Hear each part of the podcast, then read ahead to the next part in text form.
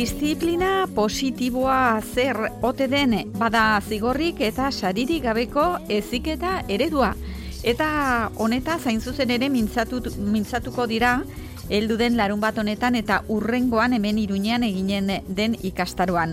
Udako Euskal Unibertsitateak eh, antolatutako ikastaroa izanen da, ueuren iruñeko egoitzan eginen dena, esan bezala, apililaren bian eta bederatzean. Bi larun batez e, jarraian eta goiz partean, goizeko bederatzitatik eta ordu biak bitartean. Denera amar ordu izanen dira. Eta horre zer aldarrikatzen duen disiplina positiboak bada aurrekiko eta gazteekiko errespetuzko tratua e, beti muga batzuen barruan eta permisi bitatean erori gabe. Oso gai komplikatu eta interesgarria noski zalantzari gabe. Irakasle lanetan ane harri bilaga sagasti beltza arituko da. Bera, aurre eta lehen ezkuntzako irakaslea da, geografia eta historian lizentziatua, ikasgeletarako, familietarako, lehen ezkuntzarako eta instituzioetarako disiplina positiboko ziurtagiriduna. Eta horretaz gain, iruñeko mendigoiti ikastetxeko zuzendaria da. Eta berak azaldu digu, hain zuzen ere, ba, zer den disiplina positiboa eta ikastaro interesgarri honetan zer egiteko asmoa duten. Disiplina positiboak ere laguntzen du komunitatearen zentzua garatzen eta komunitatearen zentzua hitz egiten dugunean, hain zuzen ere hori da ekarpenak iteko edo e, nolabait ere kontribuziorako e, zentzua e, garatzea. Eta hori hain zuzen ere e, buruko e, osasunaren oinarria da. Osasun mentalarekin erlazionatuta dago e, disiplina positiboak e, sustatzen du e, kontribuzioiek egitea, parte izatea, garrantzitsua izatea, ekarpenak egitea bai familian, komunitatean, eskolan. Disiplina positiboa hezkuntza eredu bat da. E, bizitzarako filosofia bat ere bai e, zentsu zabalean esan ebalin badugu.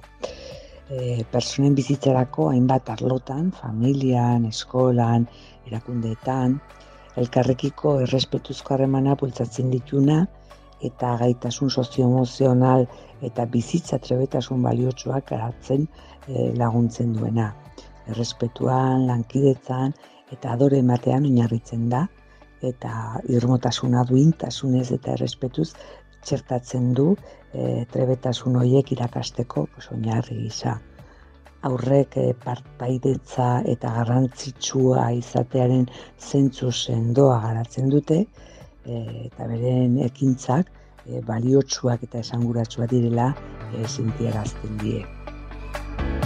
Disiplina positiboko metodologiak e, mila bederatzeron dago garren urtean du jatorria e, Adler e, eta Dreikursen psikologiaren eskuti sortu zen e, biak e, psikiatra austriarrak, gainera psikiatra austriarrak ziren, eta aldarrikatzen zuten atzen aurrekiko eta gaztegiko respetuzko tratu bat, ez? Beti ere muga batzun barrenen eta permisibitatean hori gabe.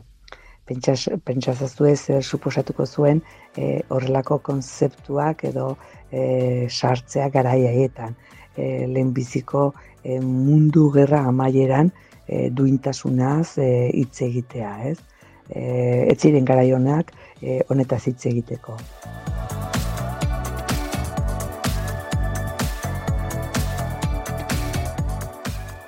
Disiplina positibaren printzipioak e, hauek dira ez, e, lehenbizikoa jokabide orok du helburu bat, kide izatea eta garrantzitsua e, sentitzea ez. Adler eta Dreikursek eh, nabarmendu zuten gizakiaren helburu nagusiak bi hoe direla. E, pertenentzia edo parte izatea, e, azken finean hori da konektatzea, beste beste personekin konektatzea eta garrantzitsu izatea edo e, ekarpenak e, egiteko e, gai izatea.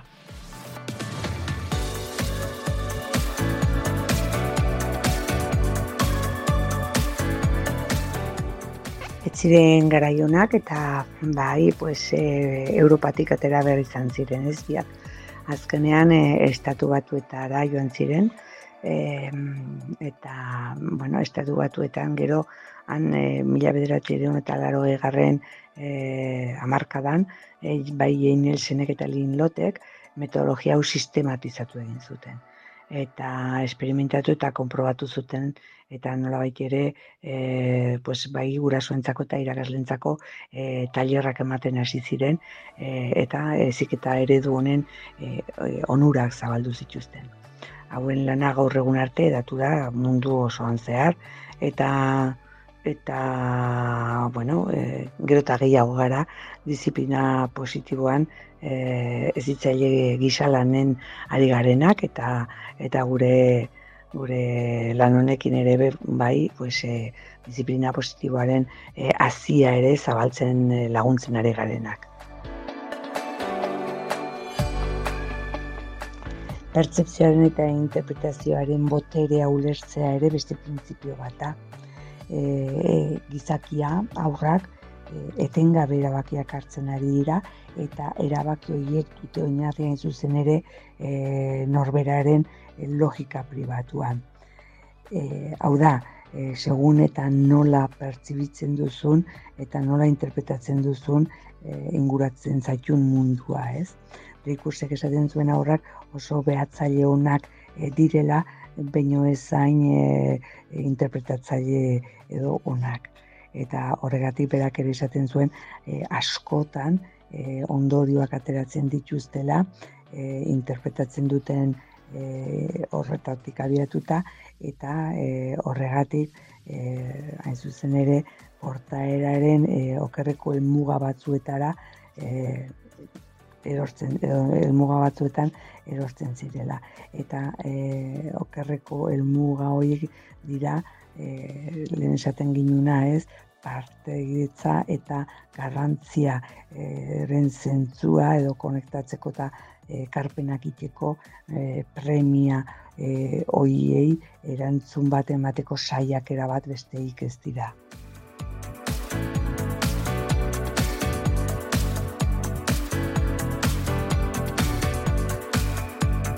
Disiplina positiboak ere harreman horizontala sustatzen ditu eta e, honek esan nahi duena da hain zuzen ere persona orok dugula e, duintasunez eta errespetuz e, tratatuak izateko e, eskubidea, ez? Atsegina eta tinkoa aldi berean. Disiplina positiboaren zat, e, bien arteko oreka da garrantzitsuena atsegina e, denen, ari gara hain zuzen ere, e, fokoa jartzen dugu aurraren beharretan.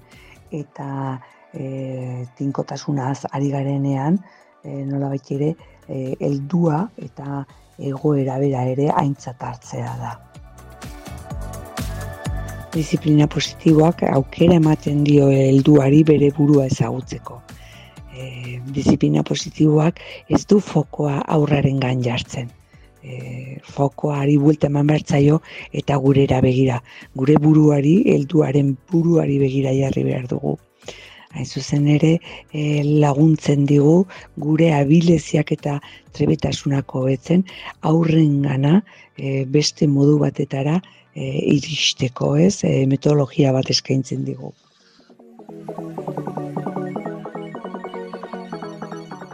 Disiplina positiboaren beste printzipioa da adore ematearena.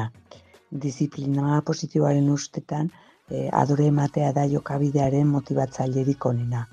Beraz, indargunetan jartzen du harreta eta ez aulezietan. Eldu adore mailea da, aurrek beren trebetasunak alik eta gehien garatu alizateko giro egokia sor dezakeena.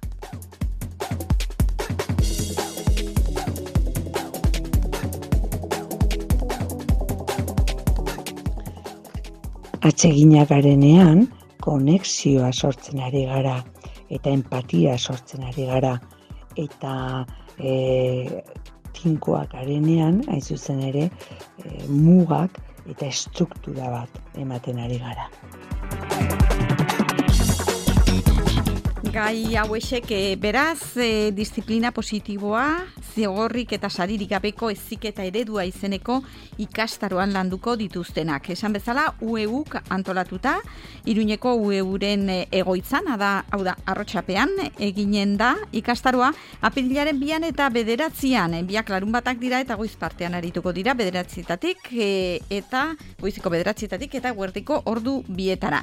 Eta ditu duguna, izketan eta zalpenak ematen ane arribilaga sagastibeltza izan da, eta bera, arituko da hor irakasle lanetan. E, Oendikan, gelditzen dira plaza batzuk batzuk libre ikastaro honetarako. Beraz, interesi baldin baduzue, e, bixi-bixi, lehen bailen, jarri harremanetan e, ue urekin. Gogoratu datak, izanen direla, elduden larun bat honetan, eta hurrengoan.